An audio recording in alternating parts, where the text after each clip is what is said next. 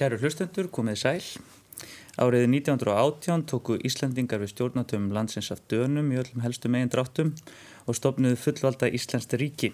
Í þessari þáttaröð á öld ljósvakans er hort yfir þá tíu áratíð sem liðnir eru frá fullveldistökunni í ljósi fréttaflutnings á fullveldistímanum. Í dag beinum við sjónum okkar að áratíðinum 1948 til 1958 og ég fengi til leysum við þau Haug Ingarsson, Ídluga Jökulsson, Kristrúnu Heimistóttur og Ragnhildi Torlasís. Verið hjertanlega velkomin. Takk. Takk. Takk. Í þættinum í dag hugum við sérstaklega tveimur mikilvægum fréttaefnum frá þessum áratíð sem áður kattum. Árið 1955 hlaut ritthöfundurinn Haldur Kiljan Lagsnes Nobelsvölun í bókmöntum Þá braust út stríð á Kóruuska árið 1950 sem lauk þrjumur árum síðar með vopnarliði sem enn stendur yfir því fríðarsamningar hafa hingað til ekki náðust á milli Kóruuríkjana tveggja. En áður en við ræðum þessa tvo atbyrði sérstaklega þá vil ég gerðnan byggja ykkur kæru gestir um að kynna ykkur hvert um sig, segja örlítil deila okkur og aðalega frá því hvernig landslæði í frettum og frettaflutningi þessa áratögar 1948 til 1958 horfir við ykkur í dag Kristún, bjóða þér að byrja. Þú ert mér á hæri hönd. Já, þakka fyrir, ég heiti Kristrún Heimistóttir og er, er lögfræðingur. Ég vil segja öllum hlustendum það strax í upphafi að ég er fætt 1971 og hef því enga persónulega upplifun af þessum tími sem við erum að ræða um. En ég hef hins vegar ákvaða að slá til eða samþykja að koma hinga því að ég lít svo að það sé alltaf mikilvægt að hugsa um nútíman í samhengi við fortíðina og, og, og ég hef ótamandi áhuga á sakfræði. Um, ef ég ætti að hugsa eða setja einhvern veginn fram hugmyndum það hvað hefur einkjönd eða þurfa uppi staðið og hortið tilbaka ráðið þessum áratöður fremur þá myndi ég halda að það væri atomöldin að þetta væri þessi tími þegar menninir er að átta sig á því að það sé búið að sprengja kjarnakusprengju og það hefur einhvern veginn áhrif á alla hluti frá tónlist yfir í, yfir í bókmyndir, yfir í stjórnmál og alþjóðarsamskipti og svo framvegs. Akkurat. Stutt og laggótt, Kristján, það er verið Ragnhildur. Já, ég heit Ragnhildur Torlasíus og ég er frettamæður hérna á Ríkisútvarpinu og ég, það er með mig eins og Kristrúnu og aðra hér að hérna, ég var ekki fætt og en það talfært í það þegar að hérna, þetta tímabil uh, þetta tímabil 1948 til 58 stendur, ég fætt 78 og svona þegar að ég uh, var að hugsa um þennan áratug núna fyrir þáttinn og þá kannski stendur að einhverju leiti upp úr sko hversu í raun og veru hann fellur mikið í skuggan af árónum á undan? Hversu í raun og veru maður veit lítið eða miklu minna um þetta tímabila því að allur fókusin fer náttúrulega á setna stríð. Um, en þetta er þetta tímabil bæði uppbyggingar en tókstreitu, hatramra átæka þannig verður að setja fót alþjóðstofnanir, þannig nýbúið að setja fót saminuð þjóðurnar, þannig rómarsáttmálin undirreitaður sem er náttúrulega síðan sko, fyrirrennari Evrópusambandsins, þannig er NATO-stofna, þannig er kaldastriðið hafið. Svo hryktir í stóðum þessara alþjóðstofnana náttúrulega, sumra núna. Þannig að fyrir mér er þetta já, tímabil uppbyggingar en mikillar hugmyndafræðilegar tókstreitu. Mm. Nýrar heimskipunar hefur stundu verið sagt. Já og þetta hugsaðmaður svolítið um þetta tímabil og árinu auðvitað og endan núna þegar maður finnur hvernig svona þegar maður veit ekki hvernig hlutirnir er að þróast. Akkurat, akkurat. Haugur? Já, ég segi eins og Ragnhildur að þetta tímabil kannski fellur stundum í skuggan ekki bara af tímabilinu sem fylgir á undan, heldur líka tímabilinu sem fylgir á eftir. Ég held að mín kynnslóð, ég fættu 1979, ég held að hún þekkið tegumist bara tónlist sjönda áratugarins og, og það er hræringar sem voru þá betur heldur en hræringar í tónlist síðustu tíu ára undan núna en uh, ég held að sem yfirleitt með það að kaldastriði hefist 1947 þegar að Trúmann ávarpar bandaríkja þing og, og breytir í rauninu kursinum í bandarískri auðarengi með þessu Trúmann-doktorinn, Trúmann-kenningunni. Þannig að mér er kannski eins og þetta tí, tí ára tífambil hefjist þar svona, hérna, ef maður er að hugsa um það svona í þessum stóru dráttum. Hver er þessi Trúmann-kenning bara? Já, nú er maður bara komin í munlegt próf. Já. Uh, það sem gerist er það að, að uh, Trúman ákveður að fara að hafa afskipti af málefnum sem er að gerast í Evrópu og það er þá sérstaklega Greikland sem hann er að hafa afskipti af þar sem að hérna menn eru rættur um að, að uh, kommunistarmunin á yfirhundinni og þá fara bandaríkjamenn í rauninni í, í svona með, hafa, það hefði verið sem sagt Monroe-kenning fram að því og hún gekk að lúta á það að bandaríkjamenn myndi ekki hafa afskipti af öðrum málefnum og annar ríki á fríðatímum en sagt, eftir að Trúman flytur, flytur þetta ávarp þá, þá er henni breytast breytist bandaríkjaman um stefnu og þá fara þeir að hafa miklu já, miklu svona áþreifanlegri nervur til dæmis í Evrópu. Mm -hmm. og þessi áratugur er náttúrulega sumuleiti áratugur bandaríkjana og áratugur sovjetmanna, þetta er náttúrulega skiptist allt upp í þessi tvö lið. Uh, ég hef sjálfur verið að skoða kalda menningastriðið eins og það er kallað þannig að fyrir mér enginn stett allavega svona í íslensku tilliti svolítið af mýr annars vegar og svo almenna bókafélaginu og, og, og svona menningastarfi hægri manna á, á uh, Íslandi á, á, á sjötta ártögnum en já þetta er þarna er kaldastriðið í alglimingi Ítluði Já, ég heiti Ylvi Jökulsson, ég fengist alla mína tíð við bladamennsku og alls konar rittstörf og, og, og svona þess áttar, þess áttar störf. Nú, ég fættu 1960 þannig að ég næ svona næstum því inn á þennan áratug ef, ef, ef þú miðar við að hann endi 58. Mm uh, en samt, ég man ekki samt eftir þessum atbyrðum sjálfur. en uh, hvað svona þenn einkennir þennan áratug... Uh, í mínum huga þá, þá get ég tekið undir með þeim öllum sem hér hafa talað undan mér. Og hérna og, og kannski ég verði að segja það að mér finnst þetta alltaf vel valið að taka annars vegar kóruðstríð og hins vegar Nobelsverðun Haldur Lagsnes út úr sem einhver svona, svona leiðarsteina á þessum áratög vegna þess að, að kóruðstríðið var náttúrulega til vittnis um það að kaldastríðið var svo sannarlega skollið á í djúbri alvöru en það og, og, og trúmarkenningin komin, í, komin á fullt mm -hmm. en, en samt er það, það er því háð svona eins og jafnan er sagt á einsku by proxy þar að segja að stórveldin myndi ekki kljást hvort við annað heldur myndi þau beita fyrir sig Mitt. leppum og, og hérna og svona alls konar myndi berjast svona hvort við annað í, í, í þykistunni mm -hmm. nú en, en, en Nobelsson Haldur Slagsnes urður svo einhvers konar kóróna held ég á, á hérna á sjálfstæði Íslendinga það var heil endanlega merkið þess held ég að í hugum okkar Íslendinga að við vorum orðin sjálfstæð þjóð og þjóð með þjóðum að, að hérna hann skildi fá þessi verðlaun og það er náttúrulega ger breytt öllum viðhorfum til Halldórs og hann var náttúrulega bara tekinn gjörsamlega í guðatölu. Ég man alltaf eftir því þegar ég var svona tí ára gammal og var nýri í Öststræti og þá sá ég Haldur Lagsnes í hérna hann var þá í bókabúð sem ég man ekki hvort að hún hétt þá Eymundsson eða hvaða var. En hann var alltaf að skoða þar blöð og hérna og skaplega svona reffilegur og verðurlegur eins og hann alltaf var og ég fekk, sko, svo, ég hafði náttúrulega aldrei lesin þetta eftir hann þá, þá og vissi svo sem ekki um hann, bara ég vissi það að hann var Guð. Og þess vegna eldi hann út allt hérna út allt veistustræti lættist svona eftir honum þegar hann fór úr búðinu og gekk hann svona háleitur og allt svona hrókafullur á svipi eins og hann gæðan var. Og svo var hann, sagt, ég veit ekki hvort hann tók eftir því að hann var með þarna tíu ára, tíu ára grúpi og eftir sig út allar göttuna, þetta var svona dæmið um það hva, hérna, hvernig staða hans var orðin ég, þó ég svo, vissi ekki hver hann værið og vissi að þetta var svo merkilegu maður að ég vildi fá að sjá hverja einustu hreyfingans og hvernig hann bæri sig að við að, við að ganga eftir götu. Mm -hmm. Akkurat, kvikmyndastjarn okkar Íslandinga Algjörlega, algjörlega. Og ég held að engin Íslandingur hafi, hafi komist í, í, í viðlíka stöð og hann hafið þarna svona frá því hann fekk þessi velun og svona þanga til, þanga til já, hann svona fór að, fór að draga sig í hlið. Akkurat.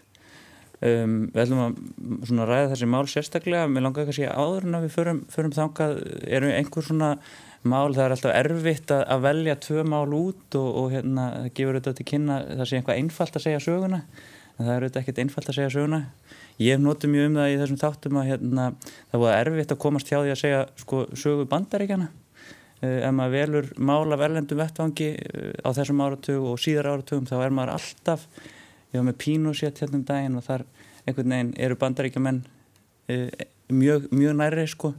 Um, það er svona ákveðin stöðu nærvera þessar stórveldis. Þú myndist að við tölum saman í hlug Já, ég, sko, það, það, er, það er bara svo leiðist, þetta er áratugur og sérstaklega setnipartur 20. aldar er, er, er bandaríkjumenn uh, svo mikið afl. Ekki bara á í pólitík á hernaðarsviði heldur líka eins og, eins og haugur myndist á í, hérna, í, í menningarlífi. Þannig að það verður ekkit undan þeim komist. Þetta er svona svipað eins og ef þú ætlaði að hérna segja eitthvað að viti um, um, um Gríkland í kringum, kringum Kristspurð eða, eða hvað var að gerast í hérna á Spáni án þess að minnast á Rómaveldi. Því að staða bandaríkjana manna, manna er svona aðbreytti breytnanda jafn dominerandi á þessu tímabili yfir okkar heimslut og reyndar heiminum öllum eins og, eins og staða Rómaveldis var á sín tíma yfir, yfir uh, Evrópu miðausturlundum.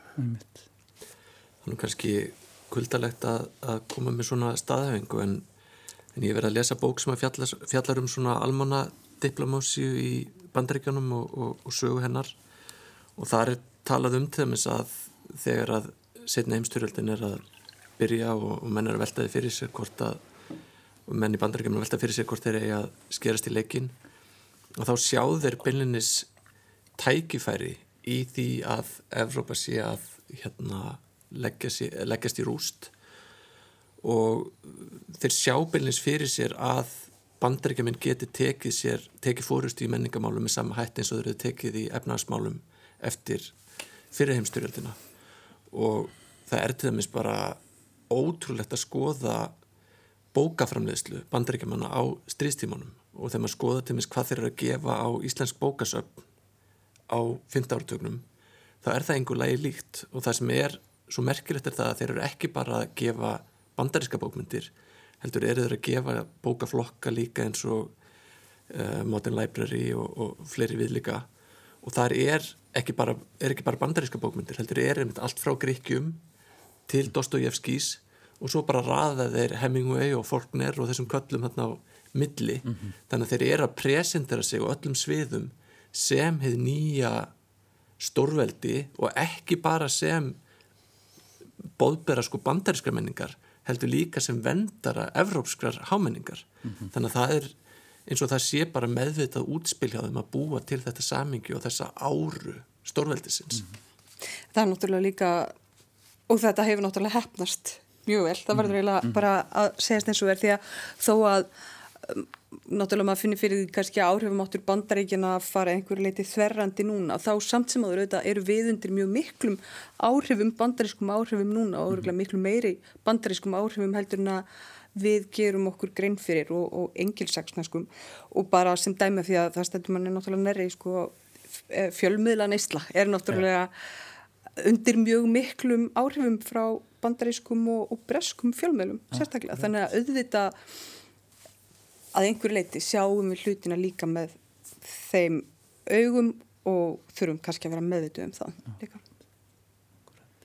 Mér finnst áhugaverður þessi samanbörður sem Ylli dróð fram á Rómaveldi og bandaríkjanum og ég, ég ætla að þess að setja þetta pynliti persónlegt samhengi vegna þess að núna í sömar fór ég í fyrsta skipti til komst ég fyrsta skiptið til Suðaustur Asju. Þannig að segja, drétt að fáum skiptum þess að ég hef komið til landa þar sem að rómverjar hafa enginn komið aldrei, voru aldrei. Og það sæst til dæmis á borgunum, vegna þess að borginir eru fullkonlega óskipulega, það er hverkið torg og það er ekkit, ekkit svona af þessu skipulagi sem að, sem að rómverjarnir skildu eftir sig. Og þetta vakti mig til umhjóksunar um með mitt munin á, af því að bandarækjumenn hafa til dæmis verið að fælast mjög mikið í Suðaustur Asju og akkurat á hann hátt sem að Ylli var að lýsa að til dæmis tittnemt kóriauðstríð það var eitt sem einnkjönti það var það að bandarækjum vildi að lýsa formlega yfir stríði mm -hmm. á sko beita þjóðaréttinum á þann hátt sem hann hefði mótast í um aldir mm. um, um sko og, og mikið velt fyrir sig hvað eru réttlátt stríð og óréttlátt og svo framvegis og þetta var svona hlut af síðmenningu Vesturlanda en þarna koma þeir og, og líta á sig sem sko þáttakendur eitthvað sem er skilgjörna sem konflikt á ennsku mm -hmm. og, og lýsaldri við stríði -hmm. en lít, líta þess að vera á þessu eitthvað -hmm. og, og þegar maður er að ganga eða sem sagt þegar maður sér þessi þessi ríki og þessi löndi Suðustur Asíu og, og átt að segja á því hversu eigðilegjandi mm. hérna sko þátt þess að áhrif bandaríkjana eru þetta er bara einhvern veginn verið að leika sér að þessum strísleik mm. í að, og, og þetta lítur líka markmiðum að því að að ég hef verið að lesa mig til og kynna mér svolítið mikið þess að svona forsendur bandarískru utaríkistefnu í bandaríkjanum, í bandarískum háskóla. Og það, það vekur eitthvað neð sífælt meiri undrum mína eða, eða svona, hvernig hún er hugsuð, hversu mikið hún er háð mjög afmörkuðum og takmörkuðum viðskiptahagsmunum. Mm.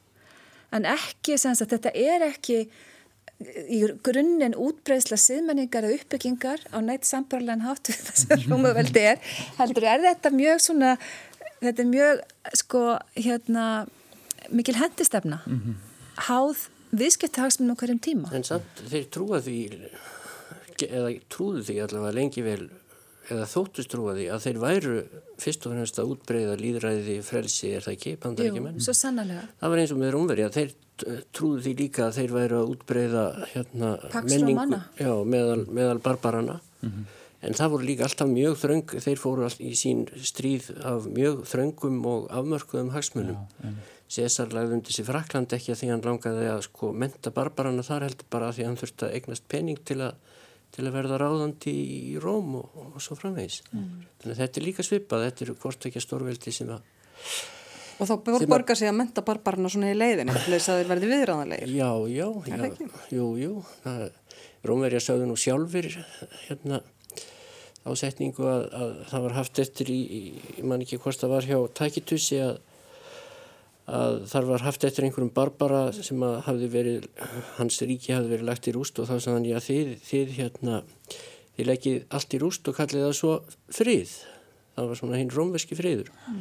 en þetta, þessu þetta hefur sko barbarahöfingin örgulega aldrei sagt en, en þessu hefur rómverja sjálfur átt að sjá yeah. En þetta er, það er margt, það er ótrúlega margt svipað með þessum tveimur stórveldum sem bæði gefa sig út fyrir að vera hágöfu og merkilega en, en eru svo þetta bara að maka sinn krók. Já. En hvað í heiminum skilja bandaríkin eftir sko infrastruktúr? Byggja upp infrastruktúr, það sem við kallum núna innviði í íslenskru umræðu? Er það ekki með Marsjál? Já, það er þetta á við um Evrópu, og, en það eru þetta endurist það sem fyrir var. Mm -hmm. Ég, þetta er svona, ég, þetta er nú hugleðing sem ég já, bara svona kasta já, fram akkurat. ekki þar fyrir að, að bandarækjumennu bandarækjun eru margt merkileg en, en hafa auðvitað afhjúpað sig mjög alvarlega nú á síðustu Já, það hefur gert það en það er, má ekki sko, það verður nú samt að gefa þeim það að, að hérna, þó einhverjir viðskiptahagsmurur hafi vaka fyrir þeim öðru kóru þá þá býð ég nú ekki hvernig hef, hefði farið fyrir Evrópu í, í setna stríði Svo sannarlega. hefði, hefði, ekki, hefði ekki komið til skjælan Svo sannarlega. Og við hefum þá umræðið eftir að viku liðinni. Þá munum við ræða áratugin á undan, undan þessum en eh, þetta verður, þetta mál verður að sjálfsveit rættir hlítar hér. Þannig að ég er að hugsa um að hérna eh, svona færa okkur í fyrsta umræðefni sem eru Nóbersverðun Haldur Slagsnes og eins og þú myndist svo sem á illu við eh, kannski sórum okkur svo sannarlega inn í einhvers konar svona menningarsögu uh, þegar að Haldur teku þessum velunum. Um, það gerist 1955 uh, að Haldur Kjellan Larsnes hlýtur Nobelsvelunin í bókmyndum. Uh, við skulum heyra brot frá Nobelsvelunaháttíðin í koncerthúsin í Stokkólmi. Fyrst heyrum við loka árinu ræðu Elias Vessen en Haugur, þú leiðrétti mig ef ég hef náðu þess eitthvað vittlust. Uh, hann skilst mér hafi verið prófessor í Norrlandumálum og, og átti sæti í Sænsku Akademíni Er það rétt með farið? Ég þykist bara að vita það. Já, já, já, já. En sem sagt síðan tekur Árni Gunnarsson fulltrúi ríkisútasins við og lýsir því þegar Haldur tekur við verðlunum úr hendi sænska konungsins. Látum oss vonast eftir auðugri og mikili blóngun íslensk skálskapar. Ég færi yður hjartanlegar hamingjuóskir frá Sænsku Akademíunni og býð yður nú að stiga fram hérna á gólfi til þess að taka úr hendi konungs þau bókmyndaverlaun Nobels er yður hafa verið veit. Haldur Kiljan Lagsnes gengur fram til að taka við verðlaunum sínum 190.214 krónum sænskum, 22 eurum og eh, heiður skjali skrautbúnu og eh, heiðurspeningi úr gulli. Það var skemmtilegt að sjá hvernig áhörvendur eh, rák upp stóra augu þegar Vessin byrjaði að tala á íslensku. Þeir skildu sennilega ekki mikið flestir. Þeir heyrðu lúðratittin sem er sem hveður við Halldóri Kiljan Lagsnes til heiðurs. Fólki klappar.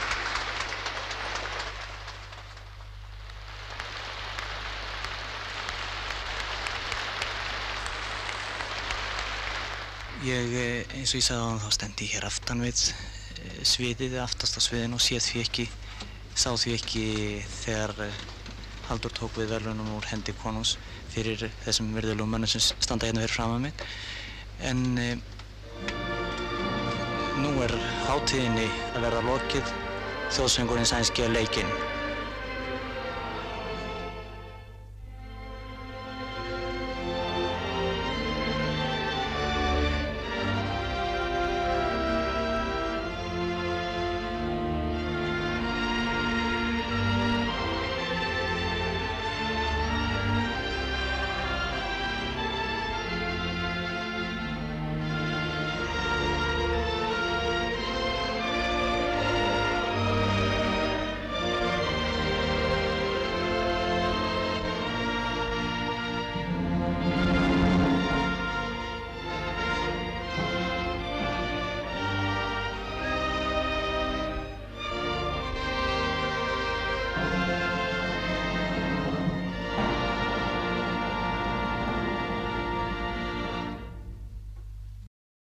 Hér höfum við frettir frá, uh, frá Nobelsvöluna afhendingunni. Þetta er svona næstu eins og bara útsending á íþróttakappleik, sko, rosa hasar og, og átni stendur, hann sér ekki eins og afhendinguna.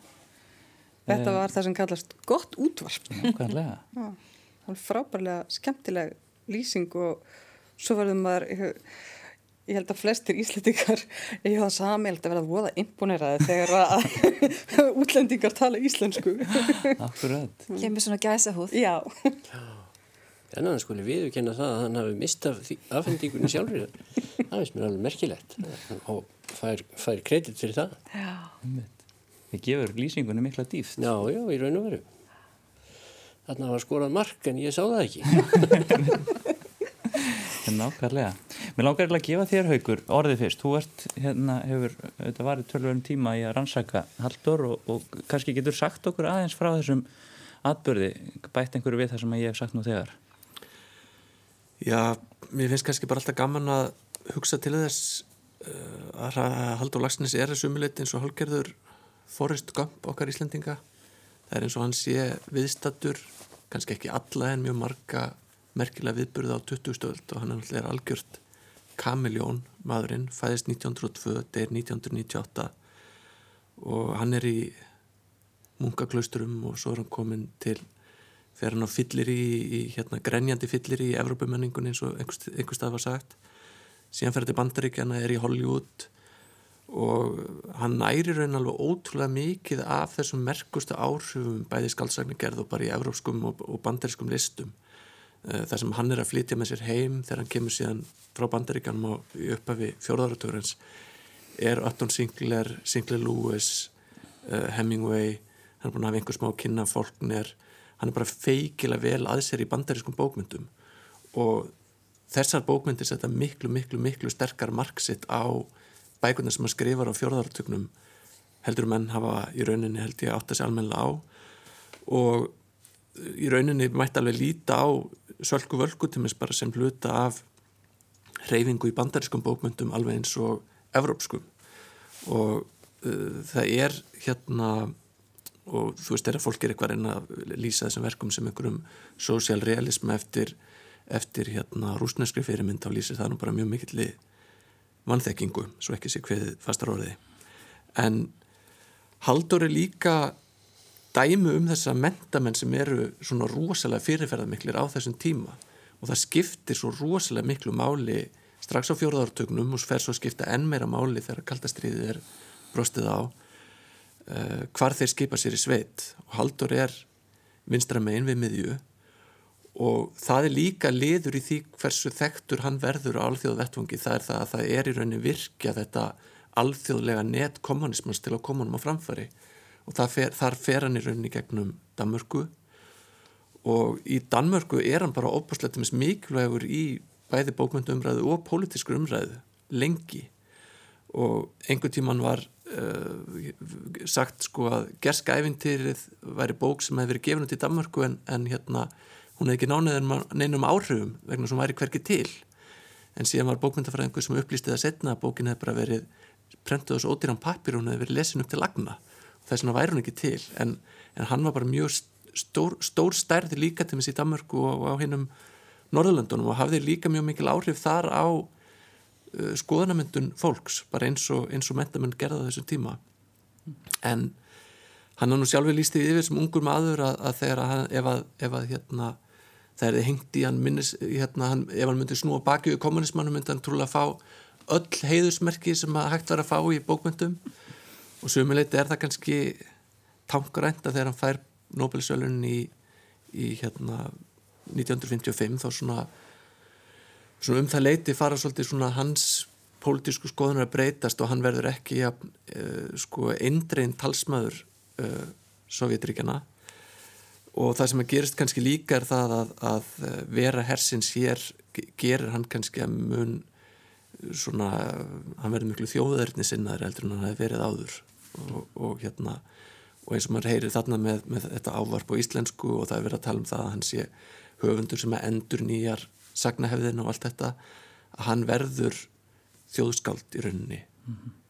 og, og hérna frá með þessum tíma held ég að sé orð að, að segja Ílið, þú varst að vera einhverju ágjöfum með að það myndi enginn lesa Haldur Já, já það, er náttúrulega, engin, engin spurninga hann hefur svona, hann er miklu minna lesin nú heldur en, heldur en áður. Uh, Mér finnst að dalti svona, maður ímynd sér að svona stórir og miklu höfundar eins og hann óneitinlega er þeir, hérna, þeir uh, svona rokkidáltið í, í vitund og vinsældum en, en, en ég hef ekki orðið varfið það hjá nú á ég börn á aldrinum svona 19 og upp í 30 eða verða að þau séu að lesa haldur sér að einhverju, að einhverju gagni sem ég finnst miður því að hann hefur margt til málun að leggja og, og kannski ekki síst bara tungumáli sjálf en, en í svona með, bóklestur mingar bara sjálf, í sjálfu sér. Og, og ég held að hann muni láta dolti mikið á sjá á næstu áratögum hans orðstýr því miður því að, því að hvað sem um hann má segja þá, þá hefur hann margt til málun leggja. Það má hérna fyrst að, fyrst að haugur myndist hér á gerska æfintýri það má náttúrulega ekki gleyma því að, að, að einn partur af þessu, þessari forrest gömp náttúru Haldurs var það að hann var ekki hann skrifaði ekki bara af, af hérna að vinnsemd og virðingu um réttarhald Stalins heldur að hann var beinleins viðstattur og horfið á þau og skrifaði um af miklu velþóknun um það þegar menn voru dæmdir þar til dauða fyrir það sem öllum máttu þó verið ljósta voru upploknar sakir og, og, og einhvern veginn uh, það hætti náttúrulega orðstýr einskísmanns hætti að, að lífa slíkt af en, en þessi Nobelsvölun urður til þess að að hann var svo mikið þjóðskáld að meira segja hægri menn og meira segja stækustu andstæðingar kommunista, þeir fyrirgáðunum þetta allt saman. Mér langar að nefna það þegar ég vann í, í hérna, bókabúðu, vann í mál og menningu fyrir margt lengum, mm -hmm. að þá seldist umtalsvert af sennilega Íslandsklukkunni og sjálfstæður fólki á ennsku. Mm -hmm.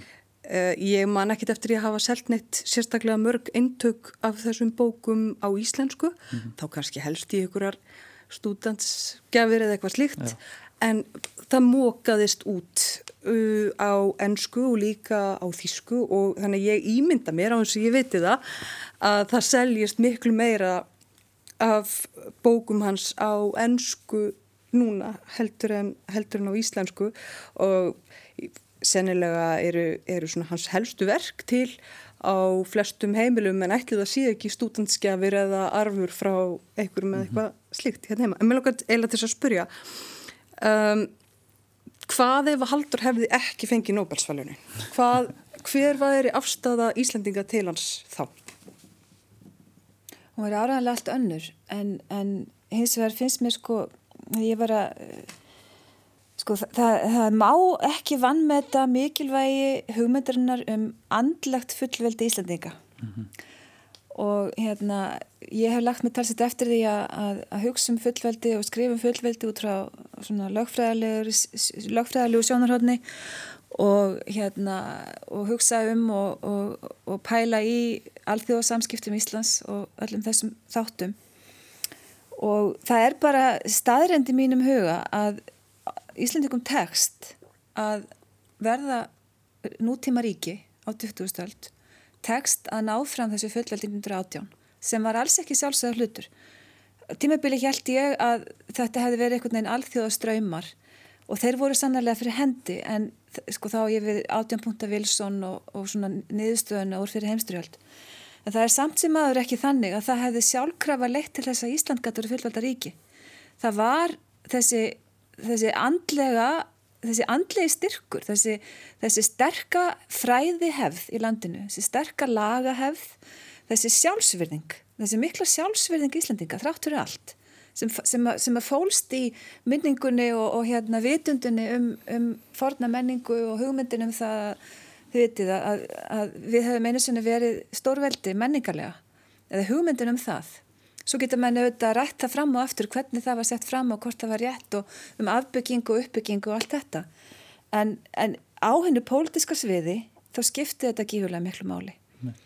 Og hérna ég held líka að ástæðan fyrir því að allir fögnuðu þegar hérna, Haldur far Nobelsvelunin og auðvitað hefur mér nú skilist sem svo að það hefur vissnáttúrulega fyrir vilji í Sænsku Akademíunu að Íslandingur fengi þau.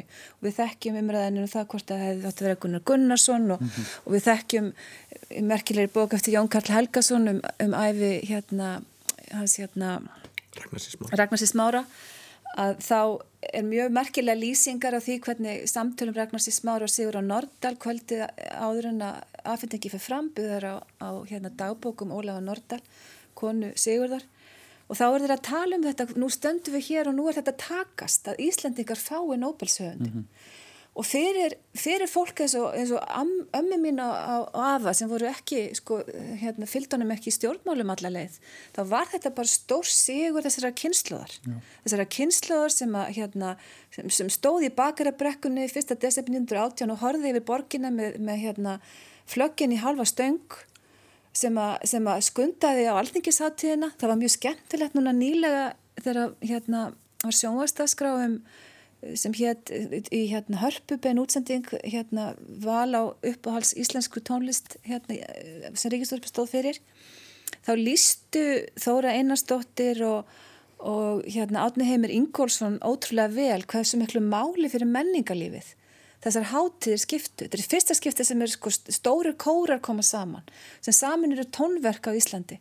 Þetta, þetta, þessu listuðu hvaða áhrif þessi, þessi hátíði hafði töfðu og þetta er sagt, einhvers konar loka sigur þessara, þessara kynnslóða sem hafðu staðið hérna, lifað sér inn í þessa hluti þegar Haldur farið sér velin og það er það sem að, sem að, sem að hann rauninni stóð fyrir á þessum tíma. Mm. Hitt er svo annað að að mér finnst eiginlega óbærilegt að lesa kablan í, í, hérna, í, í skáldatíma um veru herts, mér finnst það óbærileg lesning og, og, og barni sem að, sem að kvarf ekkert í gúlagið sem sagt hérna, íslenska barni dóttur Benjamin Sá Erikssonar en, en, og aftur líka hef ég aldrei geta þó ég hefi starfað í stjórnmálum á Íslandi til vinstri þá hef ég aldrei geta litið á sko sem mjög margir gera á, á haldur sem pólitískan áttavita.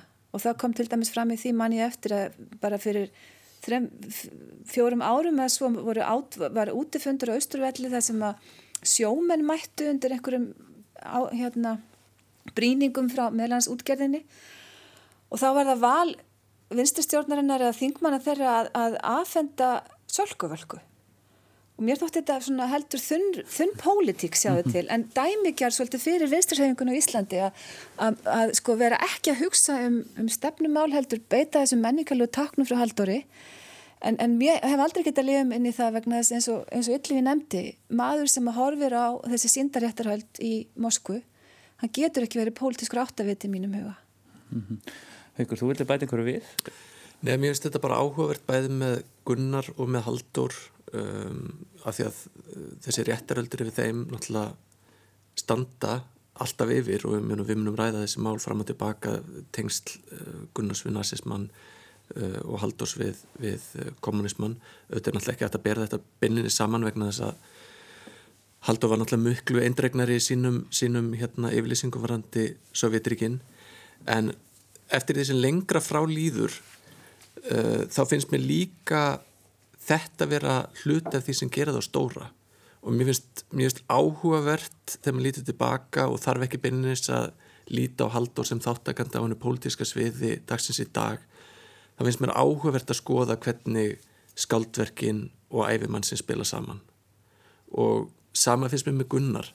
Ég meina það er rosalega áhugavert að höfundur geti að hafa náð þeim vinsaldum sem hann náði og sé skrifaður út úr bókmyndasögu Danmörkur hann er bara ekki til þar þó hann hafi sko verið meðal, meðal vinsalistu höfunda þar. Og þetta er þetta segir okkur líka eitthvað um daginn í dag. Þetta segir okkur líka um það að, að, hérna, að um, þeir höfunda sem eru að taka afstöðu eða ekki að taka afstöðu á vettfangi dagsins mm -hmm.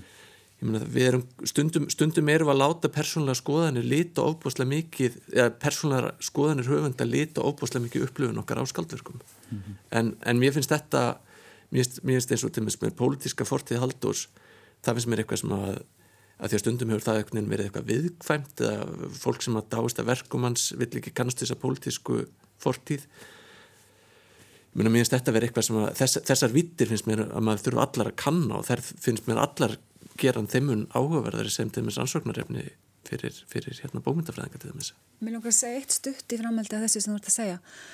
Að sko það er eiginlega mjög mikill munur á svona almennum stjórnmálaskoðunum þar að segja því að fylgja einhverjum, einhverju sveit svona að málum í, svona, í, í, í dægur stjórnmála umræðu eða á þessari svona grinnri, þessu grinnra svæði og síðan hitt að, að vera sko vittni að svona atbyrði og horfa á eitthvað svona gerast eins og, eins og síndaréttarhöld mm -hmm. og vegna þess að gleimu því ekki að, að í gegnum bókmyndasöguna og, og uh, allt það sem við teljum til svona vestræðna eða bara bókmyndasögu við leitt heimsins þá eru þá er þetta þema mm -hmm.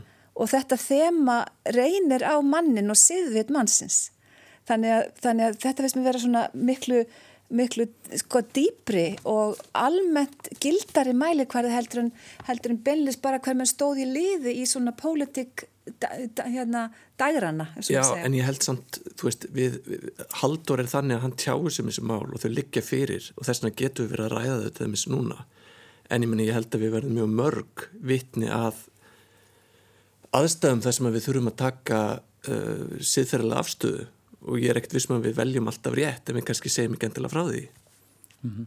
Ég held að við þurfum svona að fara að draga þetta saman eh, um, um haldur, við gætum haldið þessu svolítið áfram, kannski getum við svona snerta þessum umfjöldunarefnum áfram því að við ætlum að halda okkur svo sem á, á sviði allþjóða stjórnmála eh, og það er áhugavert að, umræðan um haldur leiti, leiti þanga, það búið að ræða hérna áhrif bandaríkjumanna, áhrif sovjetmanna og og það kalda stríð sem spilast út á menningarsviðinu, það eins og við höfum rætt e, brist út líka e, á Kóruðuska 1950 e, þegar að síður upp úr e, þessu e, kalda stríði sem var þá hafið. E, nú hef ég það einhver stað frá að, að hérna, þarna hafi mátt segja að þú talar um svona proxy stríð í raun bandaríkjaman verið að kljást við kommuníska andstæðinga sína sovjetmenn en líka kynverja og, og norðu kóruumenn Já, þetta var náttúrulega háð í nafni saminuðu þjóðuna í raun og veru var það, og það voru þarna einhverjar, hvað voru það 19-20 þjóðir aðrar sem að tóku þátt í þessum, en það var nú yfirleitt að nafnin til. Þetta var, þetta var háða 90, 90 eða 95% af, af pandaríkjum Akkurat. Og það er talið semst að tvær miljónir kóruubúa hafi farist í strísátökunum almennum borgurum í kóru auk einnar og hálfra miljónar hermann og röðum kommunista um 30.000 banderskra hermanna og um 400.000 suður kóriskra hermanna svo eru færi úr öðrum, af öðru uh, bergi brotnu. Uh, 27. júli 1953 náðu stríðandi fylkingar loks samningum um vopnallið en raunverulegi fríðarsamningar hafa aldrei náðust á, á korurskaganum og það ríkir í, í orðið hvernu eins konar stríðsástand en þann dag í dag, 50 árum síðar. Það enkendi allan fréttaflutning af korurstríðinu mikil, mikil rétskoðun svo almenningur á Vesturlöndum vissi svona kannski lítið um hvað var að eiga sér stað og auk þess var aðbúnaður til fréttaflutnings á, á stríðsvæðunum slæmur eða ekki fyrir hendi. Eh, við skulum heyra fákjata upptöku úr bytni útsendingu fréttarítarnas Jack Seigel sem flutti fréttir af landgöngu bandaríkjumanna á eiginni Volmi 14. september 1950. I was in a landing boat with my little tape recorder as dawn broke. and the air was filled with the sound of naval bombardment and rocketing of the beach defenses. Our first objective was the small island of Walmy, and this small triangular three-quarter mile piece of ground was battered by 6-inch, 8-inch, and 5-inch shells for more than 15 minutes. The bombardment lifted just as the first wave of boats hit the beach. And then Navy and Marine Corsair planes began diving on enemy positions. The bombardment was so effective that we met practically no initial resistance when we hit the beach. And the Marines immediately fanned out and began to advance. Boy, oh boy. like to see that kind of stuff. Yeah, what do you think of those Marine Corsairs? Now, those Marine Corsairs are pretty swell things to have around. Here comes another one of them down on the other side of that hill. Now, there go two rockets. There go two more. And there go two more. Six, eight rockets now. He's letting go of the works. Do you see a bomb dropping? Let's hear how many explosions we hear. Four, six, eight. Eight. There was a ninth. He must have dropped a bomb, too. They should be on the bitter end of him. There goes the boy with Fred. Here comes two. Here goes another one. Four. Six. Six. Look how low he's gone.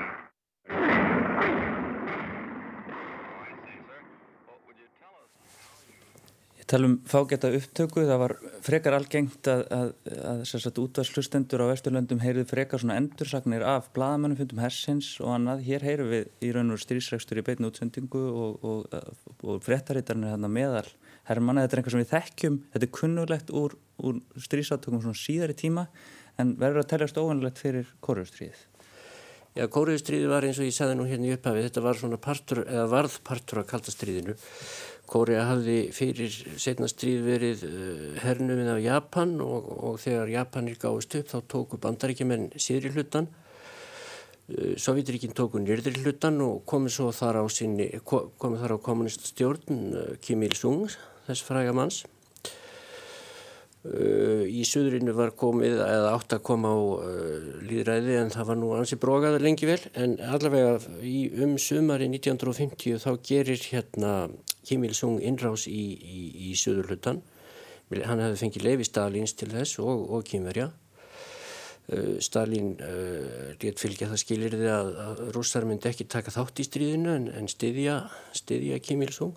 Nú uh, síðan Norður Kóriðumenn er búin, næstum því búin að leggja undir sig alla Suður Kóriðu þá koma bandaríkjumenn til skjálan að reka þá tilbaka og eru næstum því búin að leggja til sig alla norðurkóri og þá koma kýmverjar og, og, og, og svo hérna og þá sagt, þá er líðið eitt ár en, en svo líða tvö ár af svona það sem er verið að keppa um, um, um þá er í raun og veru sama staða og var fyrir var fyrir stríðið þá þau norður og söður skiptast þannig eftir þessum 38. breytarbög mm -hmm.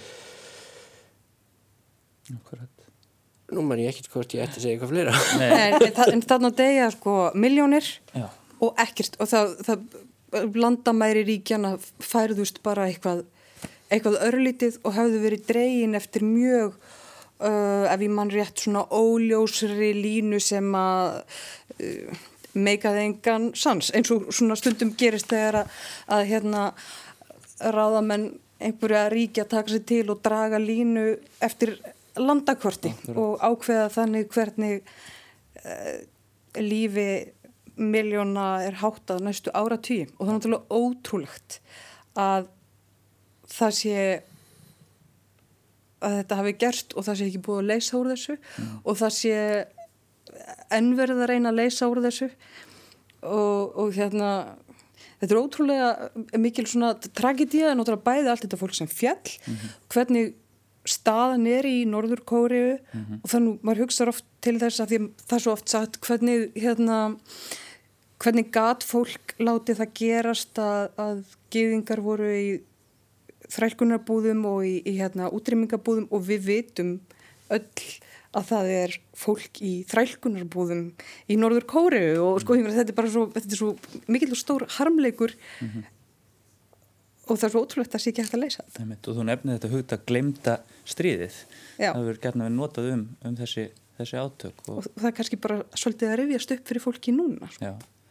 Þess vegar er áhugavert sko að hugsa til þess að þarna á þessum tíma gerist það líka að, að þessi upphálegi samningur Íslandinga við bandarækjumenn fellur úr gildi þannig að líku sinu fimm ára tímaskeiði. Varnarsamningur þá. Já og þannig að það er gerður þessi samningur sem ennþann dag í dag er í gildi 1951 og þeir koma hérna og, og, og raunverulega eiginlega, einu eiginlegi rekstur fljótastöðarinnar í Keflavík hefst hér á Íslandi. Mm -hmm og, og þarna markar auðvitað kóriðustrið einhvers konar svona í vitund virðismanni svona almennings einhvers konar komur að segja að, að það springi út þessi, þessi spenna sem hafi fyllt sko, tilkomu kaldastriðsins eða upphafi þess og, og því sem við hefum áður nefnt í nýsum þætti og Þannig að það er sagt, beintenging þó að sagt, þetta, þetta, þetta er í sama andruslofti sem, að, sem að er hérna baki þessu að, að þessi stöð er sett upp í, í Keflavík og hún hefur auðvitað geysilega áhrif á, á Íslands samfélag. Já.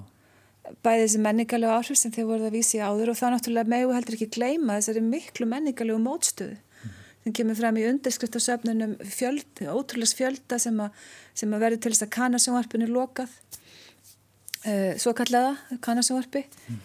og, og, og öllu því sem, að, sem auðvitað var sumt eldist auðvitað mjög illa eins og banni við því að, að, að þessi sko blökkumenn í hernum og hér og svo framvegs og ég verð nú að játa það að hérna, ég vann einu sinni, ég náði því að ég vann fyrsta starmit eftir, eftir sumar eftir stúdinsprófa var að vinna á talsambandi við útland og þá þegar maður var að nætu vöktunum þá var maður að hérna, koma hermununum mm -hmm. í herstöðinni í samband við Ameríku og það, þeim leið svo illa, það var nú alveg ótrúlegt þeim, þeim, það var svo nöturlegt að búa þarna þeir vildu alltaf reyna að fá að ræða við símastúlkuna mm -hmm. og þeir viltist vera að tala sér óhæmingja fólkin í svona umhverfinu mm.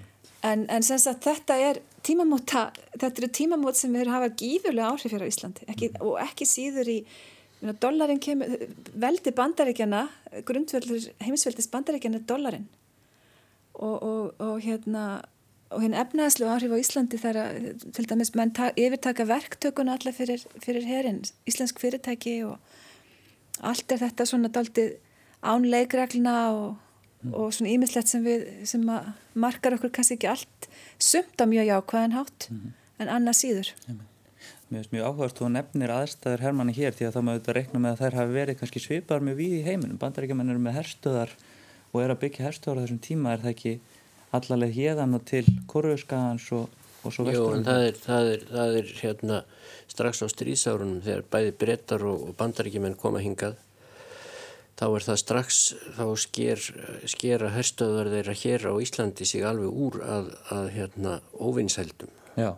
Þær voru taldar, þetta var talið nánast helvíti á jörð að lenda hér. Mm. og í alvöru sko, þeim leið alveg hróðarlega þessum, þessum greiðum sem voru sendir ynga Mm -hmm.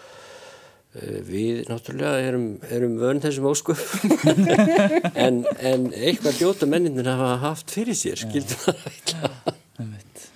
Það er, ég, ég hef lesið svona nöturlegar dagbækur, dagbækur, dagbókar, skrif og bref, mm. breskra hermana sem mm. voru hérna og, og Já, þeim fannst náttúrulega bara veðrættan svo erfið og voru ekki búin að, það var ekki komna sundlöðunar til þess að hitta sig upp eins og núna er. Þetta er rosalegt ljóð eftir einam á hérna Gumundsson sem heitir Vopnin Kvöld sem lýsir uh, ratsjóstöðinni þarna á, við Aðalvík mm -hmm. þarna upp á heiðinni sem er núna búið að yfirgefa. Ég held að á öllum stöðum þar sem var slemt að lenda hafi þetta verið svo verið kaldast á afskektasta helviti sem til var á jörðinni sko. Já. Já. En hernaðarlega mjög mikilvægt og, og núna eru, eru bandarækjumenn bara þessa dagana að bjóðast til þess að byggja flugvelli aftur á Grænlandi eins og við vorum líka að gera það var nákvæmlega sama tíma 1951 sem að það gerist hérna, fyrst. Einmitt. Við höfum lítið eftir uh, við vorum svona á slóðum kórurstrísins viljið koma eitthvað aftur á því eða viljið taka umræðin eitthvað annað hérna í lókinn Mér detti nú bara í hug sko að pappi minn er fættu 1950 og hann átti talsert af hasarblöðum uh, meðal annars Combat ég held að það nú verið þar sem ég las fyrst um kóruðustrið, það voru sögur þar sem að gerðust í kóru og allavega höfðu þessar sögur það, þau áhrif á mig að ég kallaði einhver tíman, einhver dreng sem með mér í árgangi í fókbalta helvítis kommunista og var kallaður teppið á skólastjórnum fyrir vikið. En allavega læriði maður í gegnum þessi blöð að kommunisti væri skammarriði hérna... Kóruðustrið er merkilegt fyrir bandarækjumina því að það er svona síðasta stríðið þannig kannski núna upp, upp, upp á síðkasti það sem að þeir eru í, í sinni eigin vitund alveg hygstalust góðir Já.